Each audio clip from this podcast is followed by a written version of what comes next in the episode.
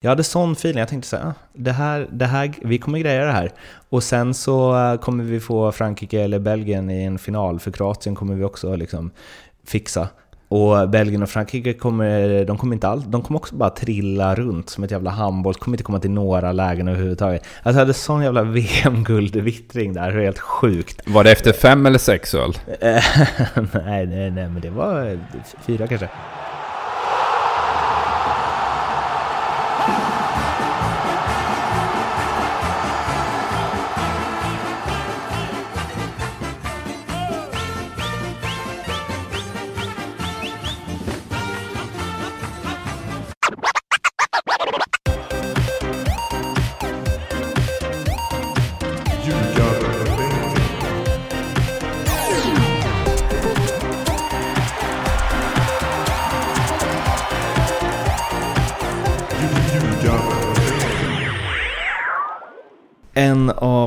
Värsta ljud som finns är ju flugor som surrar. En sån har vi här och det är nästan lika irriterande som resultatet igår.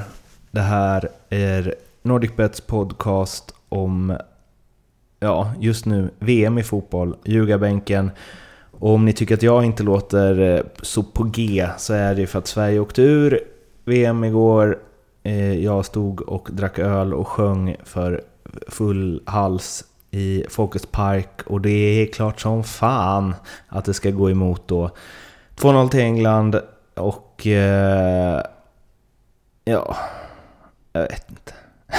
Nej, nu får du fan lyfta nivån lite här Mårten. Han är riktigt trött. det är riktigt trött. Uh, man skulle varit McQuire. Man skulle varit Harry Maguire. Mm. Eh, Vilken jävla spelare! Ja, grym. Nu har vi ju hyllat honom till skyarna eh, hela veckan här. Magiskt duktig. Ja, du sa ju, eh, det var ju deras svaga länk i defensiven. Eh, klippte ihop en eh, liten rolig film från den långa där pekar ut honom som akilleshäl. Den har väl 300 000 visningar på eh, Twitter just nu och hånen har strömmat in om att Erik Edman är den största jinxaren i VM-historien. Det finns inget som heter jinx, vill jag säga till alla er som skriver det. Men också eh, att det jag klippte bort ur den, som finns i långa versionen, är ju att du varnade för hans huvudspel. Att det är den enda anledningen till att han är på planen. Och nog är det han som nickar in 1-0. Och jag liksom förbannar mig själv över att, för när du satt och, och, bara matade ner honom där så tänkte jag, fan, man kanske ska sätta en 500 på att han gör mål. Då hade jag inte behövt jobba mer i sommar. Nej, um... Men det är ju, äh, jag vet inte, det, eller så här var det ju. Man stod där första halvtimman och tänkte, jag tänkte, det var länge sedan jag såg ett lag som var så dåligt som England var. Alltså de slog ju passningar som var 10 meter fel. De passade där det inte fanns någon. De rullade ut bollen över sidlinjen.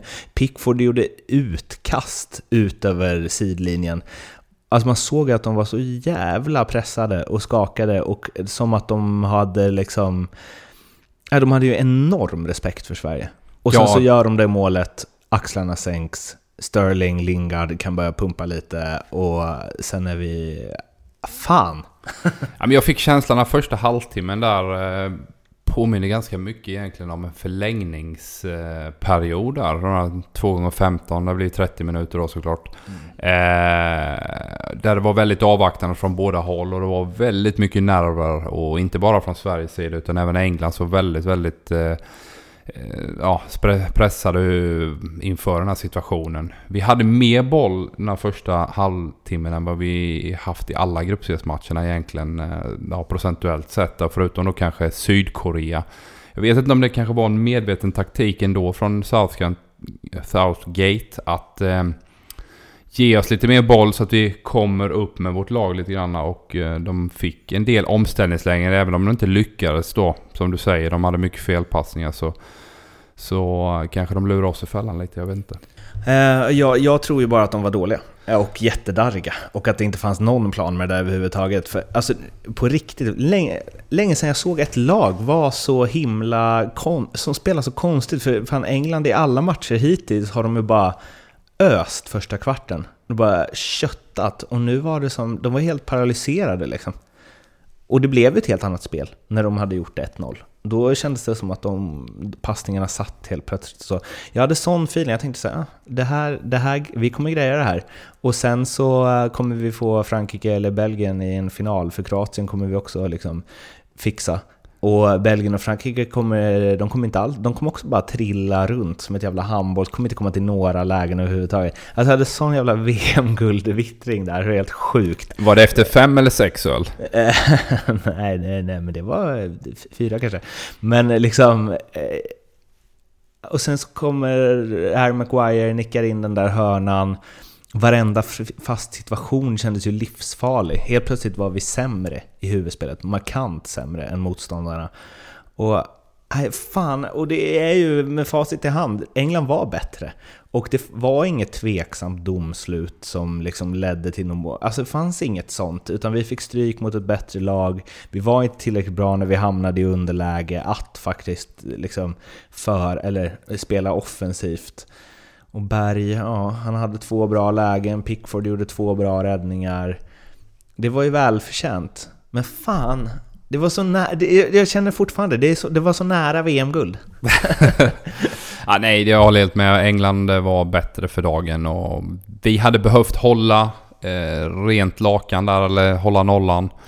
Eh, och kunna liksom spela på deras frustration och, och eh, oförmåga att faktiskt skapa chanser i öppet spel. Va? Eh, kunna ligga med organisationen som vi alltid har varit eh, väldigt trygga med hela turneringen. Eh, nu är plötsligt när, när de gör första målet så måste vi öppna upp oss. Och passar England väldigt bra. Eh, men jag tycker också precis som dig här att England, det här är inget eh, VM-guldlag här. Så att, eh, jag har svårt att se att de eh, ja, vinner bucklan. Det är möjligtvis att de kan knäcka Kroatien nu då när Kroatien har eh, två eh, två straffavgöranden och fått gå riktigt, riktigt hårt åt hela laget där igår. Det var många som sprang och haltade och hade ont där i Kroatien. Så det är frågan om de hinner plåstra ihop det där laget. Mm.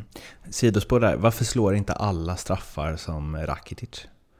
Det ser så sjukt enkelt ut. Alla har inte hans nerver när det väl kommer till kritan. Det är det för, som är skillnaden. Han har ju inga nerver där. Nej, det är ju... Han, han rullar ju bara in bredsidor ja, åt det, det, åt det ser hållet. så jävla läskigt lätt ut.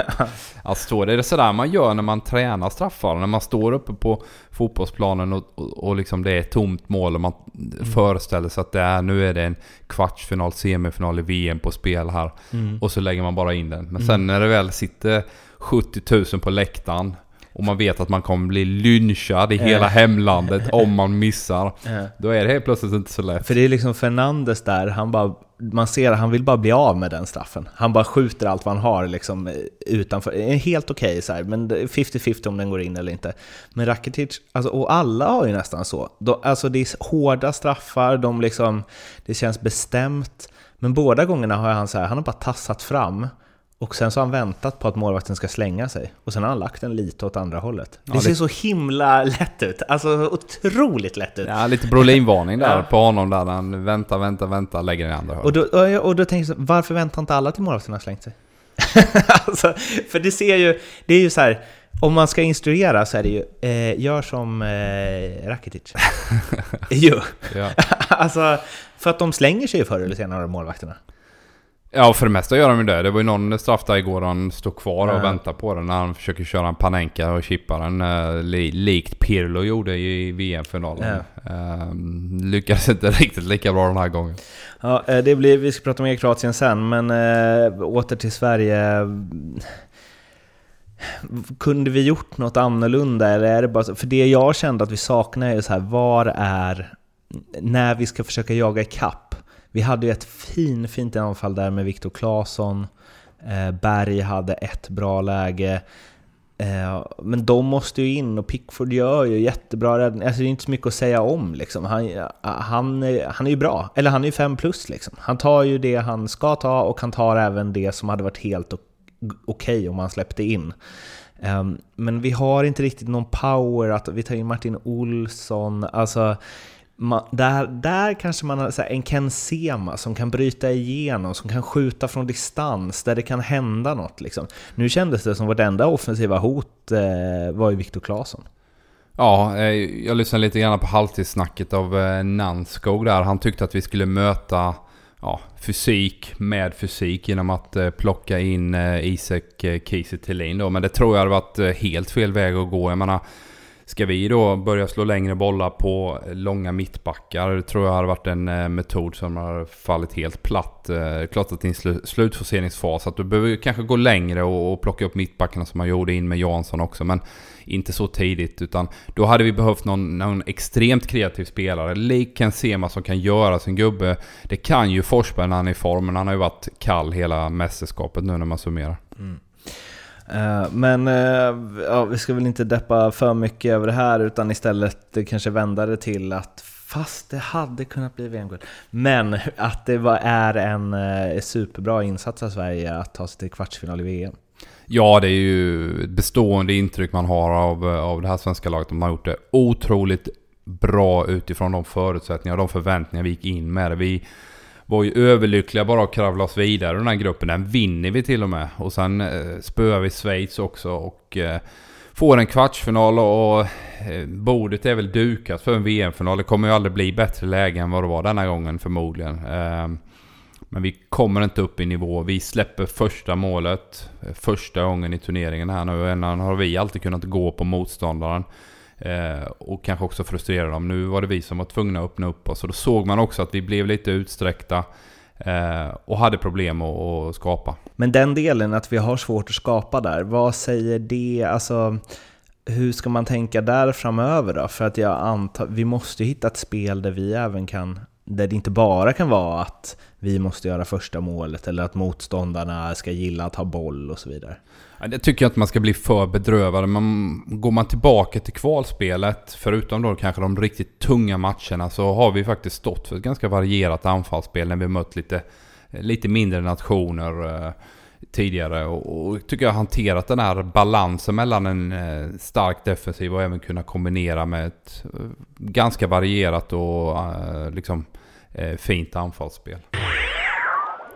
Sticker emellan lite här med ljugarbänkens VM-tips. Ni går in på NordicBet och kampanjer så hittar ni ljugarbänkens VM-tips där. Det är, eh, ja, lite beroende på vilka matcher som spelas så finns det alltså åtta frågor som man ska tippa på och då har man chansen att vinna jackpotten på 10 000 spänn. Man behöver inte satsa några pengar för att vara med på det här tipset, men du har ändå chans på jackpot på 10 000 kronor och sen så finns det lite tröstpriser i form av gratis spel och eh, hundratals eh, Panini-bilder.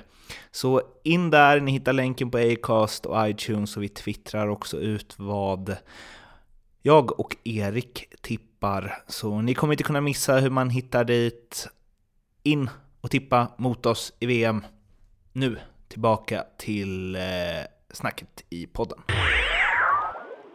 Vi ska sätta lite plusbetyg, dels på den här matchen, dels på hela turneringen. Men om vi börjar med den här matchen då. Eh, och i mål då Robin Olsen. Ja, jag tycker han står för en bra insats, att en trea på Robin. Mm, han kan inte göra så mycket mer. Emil Kraft. Emil Kraft, en tvåa. Kommer in i ett läge där han har suttit på bänken eh, tidigare matcher och är såklart inte riktigt igång. Eh, men jag tycker ändå han klarar sig helt okej. Okay. Det var lite snack om det här andra målet, Dele Alli där. Möjligtvis att Lustig hade kunnat försvara bättre eftersom han är en bättre huvudspelare. Men det, det, han kommer i löp bakifrån också så det är inte helt enkelt för Emil som flyttar in kraftigt då också på den sidan. Delali är ju också väldigt duktig på de där. Jag tänkte också så här, Lustig hade ju mm, nickat bort den liksom. Men eh, jag tycker det är lite orättvist, eh, både du och andra, för jag har sett många som ger Emil Kraft 2. Jag tyckte han var bra. Jag tyckte han var bra i början. Jag tyckte han var liksom men vände upp snyggt, tog med sig bollen i offensiven, bra bollar mot Toivonen och Berg och väldigt... Eh, för där var jag lite orolig innan vad jag hade honom. Men jag tyckte, eller jag, jag satt ändå, men det är också så här första halvtimman som jag fastnat i. Då tänkte jag så här, när vi har gått vidare här så tycker jag att han ska starta nästa match.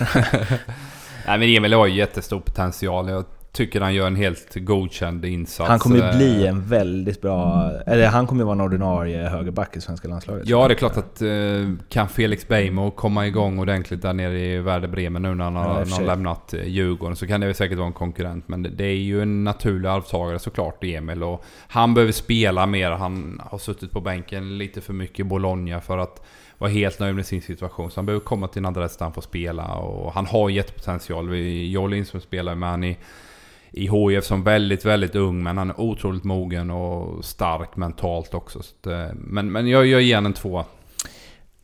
Andreas Granqvist. Granen får en eh, trea igår tycker jag. Mm.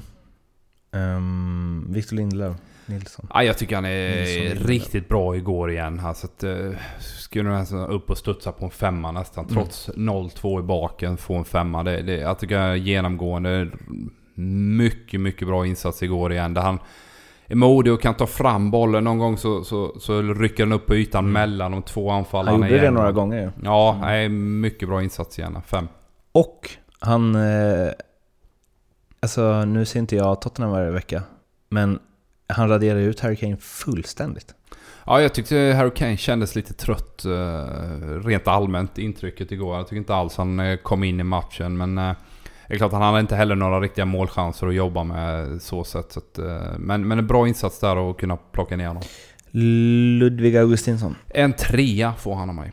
Och sen så har vi mittfältet eh, och börjar med Viktor Claesson. Jag tycker han är jättebra igår igen, så att, upp på en fyra. Och sen eh, Albin Ekdal. 3. Sebastian Larsson. 3. Emil Forsberg. 1,5. Okej. Okay. Men närmare 1 än 2 eller? Oh, han är underkänd? Ja, jag tycker han är svag igår igen. Han har väl några lägen kommit in centralt där och gör sig rättvänd. Men jag tycker inte det funkar för honom. Han, han känns... Eh, inte helt under isen, men han har det jobbigt. Marcus Berg? 2. Och Ola Toivonen? 2. Och sen så ska vi gå igenom, eh, det var ju för den här matchen då, men summera hela Sveriges VM genom att gå igenom spelare för spelare och eh, sätta plusbetyg på dem. Och då börjar vi med eh, längst bak förstås, Robin Olsen. jag tycker han har varit strålande bra hela mästerskapet. Har utstrålat lugn, kall med bollen med fötterna också. Då och då när det ges tillfälle sätta igång den. Fyra. Bartha nästa. Eh, Micke Lustig. Fyra på Micke Lustig. Eh, har problem en mot en när han ställs mot en eh, ja, tricky winger eller vad man säger på engelska. Men eh, generellt sett mycket bra försvarsspel och väldigt stark i huvudspelet. Fyra. Viktor Nilsson Lindelöf. En femma, genomgående riktigt, riktigt bra. Eh, utstrålar den här kvaliteten och lugnet som vi har sett honom i landslaget tidigare också. Även om inte han har en säsong bakom sig i United som, som eh, alla jublar över så, så är det den här eh, mittbacksgeneralen som vi kommer ha nytta av jättelångt fram. Han VMs bästa mittback. Ja, det ska jag säga en, en av dem. Sen kanske man hade behövt för att komma med ett VM-lag eller ett världslag så behöver du kanske i alla fall Gå komma till semi. Mm. Men vad, jag funderar på vem som skulle varit bättre av de som är kvar. Vilken mittback som är bättre Alltså, för han har ju varit... Eh, han har aldrig varit sämre än 4,5 plus i matcherna. Han var, han var grym. Ja men det är klart vi, vi är färgade av den här svenska framgångsvågen också lite grann. Men jag, menar, tycker eh, alltså, Rafa Varan har ju varit bra. Godin är ju min eh, älskling. Ja. Nu åkte han ju ut i och för sig här. Mm. Men det är väl nästan de två som jag tycker har varit bäst. Och visst, färgade, men jag tycker inte alls eh, Lindelöf har fått den credden. De första matcherna var ingen som snackade om honom ens. Han spelade inte första matchen. Nej, men de första matcherna. eh, men också, eh, det där lovar ju... Nu får vi väl se vad Granen tar vägen om han fortsätter spela i landslaget. Men Victor Nilsson Lindelöf och Pontus Jansson känns ju som ett Alltså där har vi något att bygga på. Ja, man ska inte glömma heller att Pontus Jansson är också väldigt skicklig med bollen. Eh, man kommer ihåg tiden i Malmö där var han väldigt duktig och kunna våga rycka upp på ytan och med sin storlek så har han ju fysisk närvaro också kunna nicka bort bollar likt det Granqvist eh, har gjort här.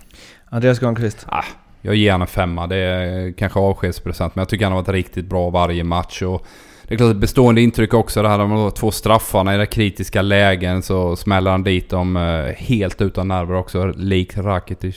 Uh, Ludvig Augustinsson? En fyra. Bra mästerskap av en ung spelare. Uh, kommer bli ännu bättre, men är redan väldigt, väldigt bra. Sen får vi väl ändå, ja Emil Kraft fick ju en tvåa i sin enda match, så han får väl en tvåa över hela VM förstås. Pontus Jansson? Ja, men jag väl också en fyra den matchen han spelar. Tyckte han också kommer in och, och gör det bra. Jag tyckte han såg lite nervös ut i början men, men, men bra insats mot Sydkorea. Och sen har vi Martin Olsson som har hoppat in två gånger. Har väl inte riktigt eh, kunnat göra sig själv rättvisa. svår att betygsätta. Ja, det är svårt att ge något uh, betyg. Men han har gjort okej. Okay. Uh, framförallt uh, han kommer fri mot uh, Schweiz där och fixar, ja, fixar en straff och, eller en frispark då till slut. Um, sen har vi på mittfältet då Sebastian Larsson. Seb Larsson har varit jättebra, nyttig för oss och med tanke på det sättet vi har spelat så har vi behövt en, en, en mittfält, central mittfältspelare som täcker väldigt stora ytor, jobbar och gnager. Så en fyra på Seb. Albin Ekdal. Också en fyra, genomgående jätteviktig och täcker den här ytan framför mittbackarna så att de har lättare bollar att hantera. Emil Forsberg. Ja, jag är elak där men jag tycker inte alls han har kommit igång. Jag hade otroligt stora förhoppningar på honom och hans offensiva kvalitet. Så att, eh, en etta. Ja, han hade ju högst i Bibeln inför, i både Expressens och eh, Aftonbladet, så måste nog säga att eh, det är den enda som är underkänd ju. Eh, men också att man har högst förväntningar på honom, det hör ju ihop med det. Ja, men han har också fått väldigt mycket förtroende ska man komma ihåg. Eh, trots då lite tveksamma insatser så har han ju ändå fått vara kvar på planen. Janne har ju velat få igång honom, det har man ju märkt att han, han känner att vi har ju väldigt mycket sparkapital där om han bara kan få det att lossna. Mm. Det hoppades man ju efter den här Schweiz-matchen när han skjuter på Akanji där och, och den går in och, och hoppas att det skulle lossna. Jag tycker inte han kommer till här. Möjligtvis att han har fått gnugga alldeles för mycket defensivt och att han inte har haft energi att kunna ställa om och, och jobba offensivt. Där hans kvaliteter då främst ligger. Gustav Svensson. Har vikarierat eh, på ett eh, utmärkt sätt, en trea. Sen så Oskar Hillemark gjorde ju ett kort inhopp i första matchen va. Ehm, också svårt att betygsätta, det var lite Martin Olsson där, gjorde inte bort sig och... Eh, ja men varken eller liksom, eh, antar jag. Eh, samma sak i Jimmy Dormas. Eh, Viktor Claesson. Fyra. Eh, har ju haft en jättespännande resa i Krasnodar under våren. Han har gjort mål och, och gå från klarhet till klarhet. Just det här att både kunna kombinera defensivt hårt arbete med att ha energi och, och gas och, och gå på löp offensivt. Eh, han känns jättespännande. Borde ju såklart vara högaktuell för en flytt. Och, eh, sen känns det inte som han... Eh, Ordföranden där i Krasnodar direkt har brist på deg. Mm. Vilket kanske gör att det ska komma ett monsterbud på en sån som eh, Viktor Claesson. Och det kommer ju inte komma. Det kommer inte komma bud på 300-400 miljoner. Utan då väljer man såklart att behålla sin juvel eh, Notto till i alla fall. Sen har vi ju, eh, nu ska vi se, Marcus Rodén, kommer han in en snabbis också va? Jag kommer inte ihåg. eh, och sen så har vi Isak Kiese som har hoppat in lite, John Guidetti som hoppat in lite. Båda de är väl också svåra att säga något om. Ja, man hade i alla fall behövt se dem eh, totalt 90 minuter spelandes. De har fått för lite eh, speltid. Kiese är ju med där och skarvar på 3-0 målet mot Mexiko, men det var väl egentligen det intrycket man kan ta med sig från hans insats. Så istället har vi ju då eh, Marcus Berg. Marcus Berg är våran bästa målskytt. Tyvärr visade han inte det i detta VM. Jag tycker att han eh, eh, fick lite skit här nu efter matchen igår och det blir klart att man summerar det här med hans missade målchanser, skott på mål som inte går i mål. Eh, men han har lagt ner ett otroligt bra jobb i det defensiva så jag vill ändå trycka in en trea där. Eh, det är inga, det är inga lätt avslut igår. Det är bra räddningar av Pickford. Ja, det kanske inte är igår jag syftar nej, främst nej, nej, på, exakt. utan de andra matcherna. Men, men att han fick så mycket skit igår kändes lite orättvist, för eh, jag kan inte se att han gör det. Det är två svåra avslut och eh, ett av dem är riktigt bra och det är en riktigt, riktigt bra räddning. Liksom. Ja. Eh, sen har vi ju Ola Toivonen då. Återigen även Ola då får göra ett mål, ett vackert sådant mot Tyskland.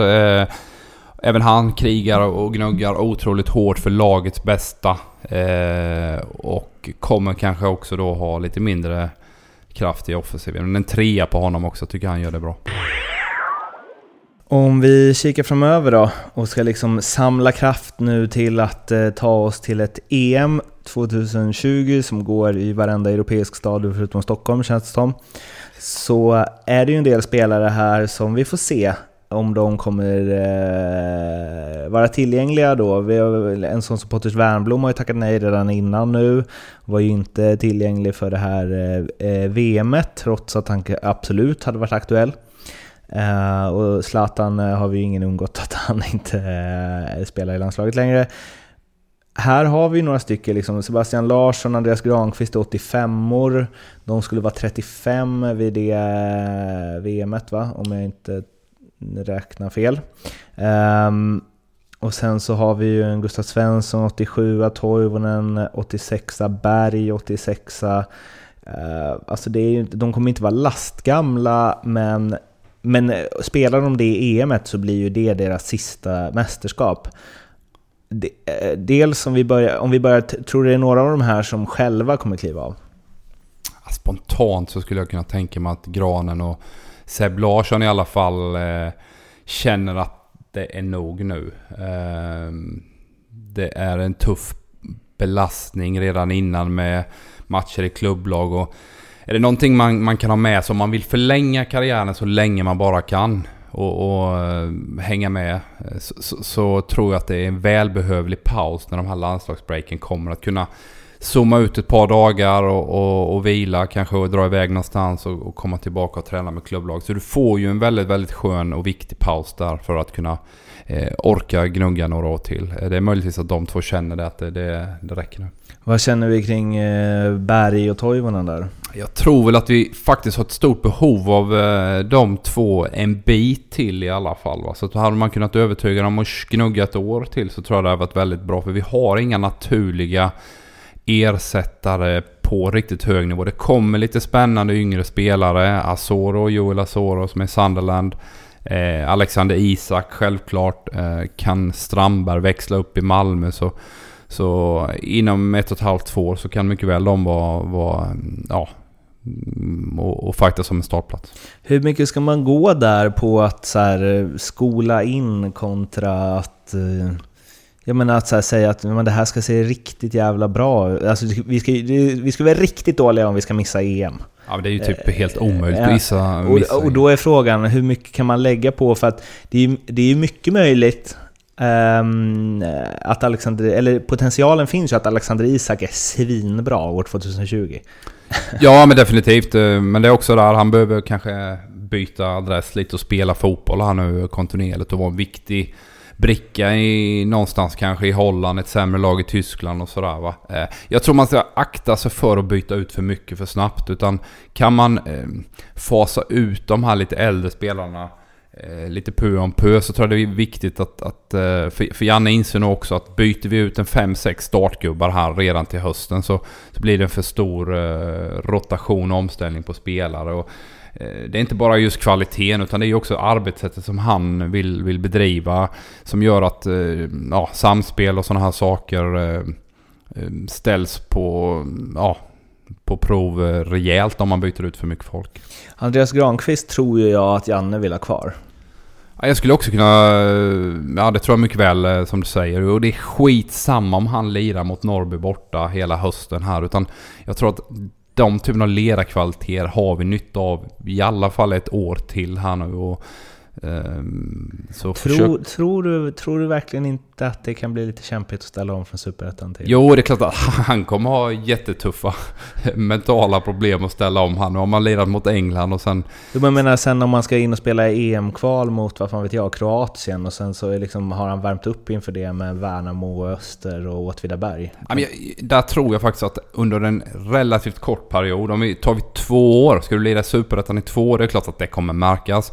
Men om, om om Janne resonerar att vi kan ha stor nytta av Andreas kvaliteter och ledaregenskaper här under en ja, övergångsperiod i alla fall va. Eh, så tror jag inte det spelar så jävla stor roll att han, han lirar i Superettan i höst. Okay. HIF kommer gå upp också. Och det som knackar på då? Det finns väl några som är givna, alltså Pontus Dahlberg känns väl som att han kanske kommer vara en tredje målvakt framöver i ett eh, EM-kval. Ja, det är det naturliga eh, målvakten att plocka in som tredje gubbe där. Eh, Nordfeldt har inte lirat eh, knappt någonting under väldigt lång tid och det kändes som han hade lite av en god gubberoll här nu också i VM för man, man vet vad man har och ställer upp och eh, skön snubbe så och gör sitt bästa. Men han behöver ju också spela om han vill konkurrera och så länge han inte gör det så ska han inte vara med i en ja, EM-kvaltrupp. Ken Sema tror jag kommer komma in. Ja, om han börjar spela i Watford. Mm. Eh, det är ett stort steg ska man komma ihåg. Att gå direkt från Allsvenskan in i Premier League. Det är inte många som klarar det. Jag vill ju, sett historiskt så är det ju bara Fredrik Ljungberg som har fixat det där.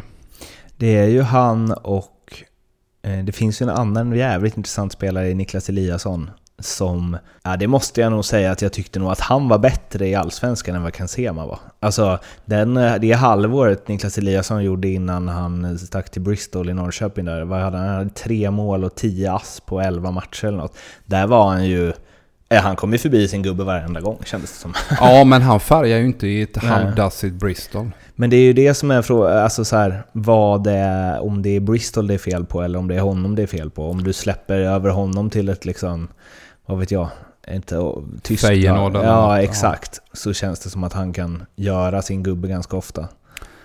Ja, jag ställer mig också frågan till scoutingen där och klart att han, Niklas Eliasson, känner okej okay, fine, får 400 000 i, i månaden här och i Norrköping tjänar jag 50. Det är klart att mm. man bara hoppar på chansen och vad ska jag mm. rita på liksom. Men Um, ibland så, så, så det är så jädra mycket pengar som florerar där och den typen av spelare du köper från Allsvenskan. Jag tror många gånger de är inte ens tänkt att spela utan det är truppbreddare för att fylla ut och skulle en eller två av de där man plockar över explodera och få en utveckling som är helt fantastisk så ja fan vad kul va men, mm. men det är nog mer tänkt som ja, okej okay, träningsspelare, ha dem i truppen och så vidare. Men eh, Kansema känns väl som att han kommer vara där i alla fall. Alexander Fransson om han får en ny tändning i Norrköping kommer ju absolut vara aktuell. Det, han har ju spelat tidigare. Liksom. Ja det ska man ju komma ihåg. Om man spolar tillbaka två så var han ju med Startade i landslagstruppen och gjorde det riktigt, riktigt bra. Det är också en Janne-favorit ska vi komma ihåg. Han var riktigt bra i Norrköping eh, innan han drog. Och en annan sån är ju Kristoffer Nyman förstås, som ju eh, Ja, alltså vi har ju, Alexander Isak har ju stor potential, Joel Asoro säger då de som har sett honom mycket att han också har det. Men annars så har vi varken på bänken eller... Eh, ja, vi har ju hårt jobbande forwards. Det är ju det vi har. Och sen så skulle man ju kunna kanske tänka sig att jag vet inte, utifrån hur Janne eh, formerade Norrköping där han hade en liksom tung Kujovic som var stark i luften, eller Sebastian Andersson för den delen. Den spelaren är ju Isak Kiese Om man vill få till liksom ett, ett bättre inläggsspel eller något så är ju han perfekt att ha i boxen. Men jag vet inte om han är lika bra på att jobba som Toivonen och Berg, alltså på det sättet, orka springa lika mycket och så vidare. Men det, det känns som att det är så här, det känns trubbigt där. Ja, det är klart att vi inte har den här riktiga liksom, superspelaren som bara ligger och väntar och väntar på att explodera. Anledningen att det känns trubbigt är också för att vi är vant oss vid att ha Zlatan Ibrahimovic där. Ja, det är klart. Och han har ju skämt bort det här landslaget också med sin flärd och mm. liksom tekniska eh, genialitet får man ju ändå säga. Men jag tror ju också om du ser på hur Janne har jobbat, velat jobba så, så har det ju krävts ett otroligt hårt jobb av forwards, eh, anfallarna då. Det är klart att där tycker jag ändå Isak Kiese passar väl in eh, i den, eh, i den ramen då. Sen så, eh, men dels som jag säger, Saman Ghoddos. Det var ju synd att han inte valde Sverige, för det tycker jag är en spelare som vi verkligen hade behövt. Eh, men också en, en, liksom en kreativ spelare som jag tänker man borde kunna få ut mycket av i Robin Quaison.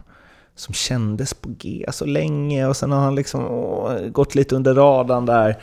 Men eh, som hade spetskvaliteter. Återigen, eh, ja, lite Emil Forsberg liksom med skottet och kreativiteten och så. Som faktiskt är på en eh, hög internationell nivå. Spelar väl eh, ganska regelbundet i Mainz va? Eh, och det är klart att Bundesliga håller hög klass. Att absolut att han är högaktuell för en trupp i alla fall. Sen gäller det ju också att det, det, det, det är många av de här spelarna man, man, man ser som... Vissa av dem gör det bra i sina klubblag. Men när du då kommer till landslaget så, så har du tio dagar på dig att övertyga tränarna om att fan jag ska vara med nästa samling, få ännu mer speltid. Och Ehm, det är ju en is att bryta ibland också som, som spelare. Man känner kanske en annan trygghet ibland. Pratar man att det är tufft utomlands men det är också så här att eh, vissa av dem har ju skapat en, en, eh, en trygghet faktiskt i de här klubblagen. Och när de kommer till landslaget så kanske de inte alls har den här samma rollen eh, som, som man har och, och frihet eller Eh, ja, system som, som skiljer sig eh, spelmässigt. Så det är klart det, det är ju också en omställning för vissa av de här spelarna att, att eh, fogas in i Janne Anderssons sätt att vilja jobba. Men om man skulle så här, försöka, eh, ja men en 11 i EM 2020 nu, då är det, får det bli så här, Robin Olsen, eh, Ludvig Augustinsson, Victor Lindelöf, sen är det Granqvist spelar han fortfarande, annars så är det ju Pontus Jansson där. Och till höger Felix Beijmo om han lyckas få den utväxling som man kan eh, hoppas att han får. Sen så finns det väl lite där bakom Emil Kraft, det finns Linus Wahlqvist, det finns lite alternativ. Eh, ett mittfält, Albin Ekdal, känns ju, förutsatt att han får vara skadefri, given. Uh, Emil Forsberg ute till vänster.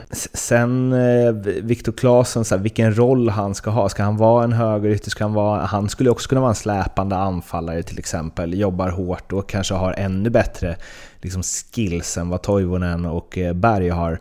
Men säger han ute till höger då, har vi en plats i mitten Kanske då Alexander Fransson om han kan komma igång då i och med att han Janne har en förkärlek till honom. Så det är ju en intressant spelare. Fortfarande relativt ung också, född 95. Så att, ja. Och sen så tänker jag nog ändå att Isak Kiese han gör massa mål i Belgien. Han är ju liksom den enda anfallaren som öser in mål i en liga med något sånär eh, rykte. Ehm, jag tänker nog att han kommer, skulle, kommer få en rejäl chans att slå sig in där. Och sen vet jag inte om Berg och Torven, om de kommer hänga i liksom. Jag har svårt att Svårt att se Berg 34 starta EM alltså. Eller? Eller är det, jag tänker mer att det är en, jag, jag tänker att det är en ny spelare där sen. Ja. Eh, Eller är jag för optimistisk? Nej, men det, det, är väl möjligt att man kan trycka upp då Viktor Claesson och kanske testa som Kristoffer Olsson också i landslagstrupp och se vad han kan erbjuda. Eh, han har ju varit magiskt eh, bra här under våren och gjorde en supermatch igår också mot Trelleborg. Så att han är ju jättespännande och i alla fall ha med en trupp och testa av och se vad han går för. Och det finns ju så mycket där, nu ska vi inte bli för långrandiga det här, det känns som det redan blivit, men det finns också här, Mattias Svanberg. Tänk om han bara BAM i Bologna, då har vi vår högerytter närmsta 15 åren klar. Alltså det är ju så. ja. Han kanske blir så bra som alla trodde. Ja, jag tror ibland kan det vara, man säger att okay, han, är, han är född 99, han går för tidigt, men det kan också vara så att precis det där steget han behöver ta för att utvecklas ytterligare på en ännu högre nivå. Och komma bort från mamma och pappa lite grann, mogna och ta in nya intryck eh, från en miljö som är ännu bättre än den han redan får i Malmö. Och är det så här, Bologna köper ju inte för 50 millar. Nej, om men de det, inte det, ser det, någonting. Nej, men alltså det kan, eh, kan en blind eh, pensionär på 95 år också se att Mattias Svanberg har en utvecklingspotential och kvaliteter som inte vilken 99 som helst har. Ja, eh, kvart blev det. Vi är väl ändå vid hyfsat gott eh, mod. Eh, Stolta över det som eh, den här svenska landslagstruppen har presterat, både på och vid sidan av planen. Och det blir inte så mycket mer Sverige nu då, som ni ju förstår, utan eh, de kommande avsnitten så kommer vi kommer förhoppningsvis ha en eller ett par gäster men sen så kommer vi fokusera på eh, lite kortare avsnitt om de matcher som är kvar. Vi kör en per semi och sen så förstås en inför brons och finalen då. då. Eh, ni hittar oss på Facebook, på Instagram, på Twitter. In och eh, snacka med oss på Twitter, på Facebook, på Instagram och sen så hörs vi igen imorgon. Då blir det semifinalsnack. Tills dess, ha det bra. Hej då!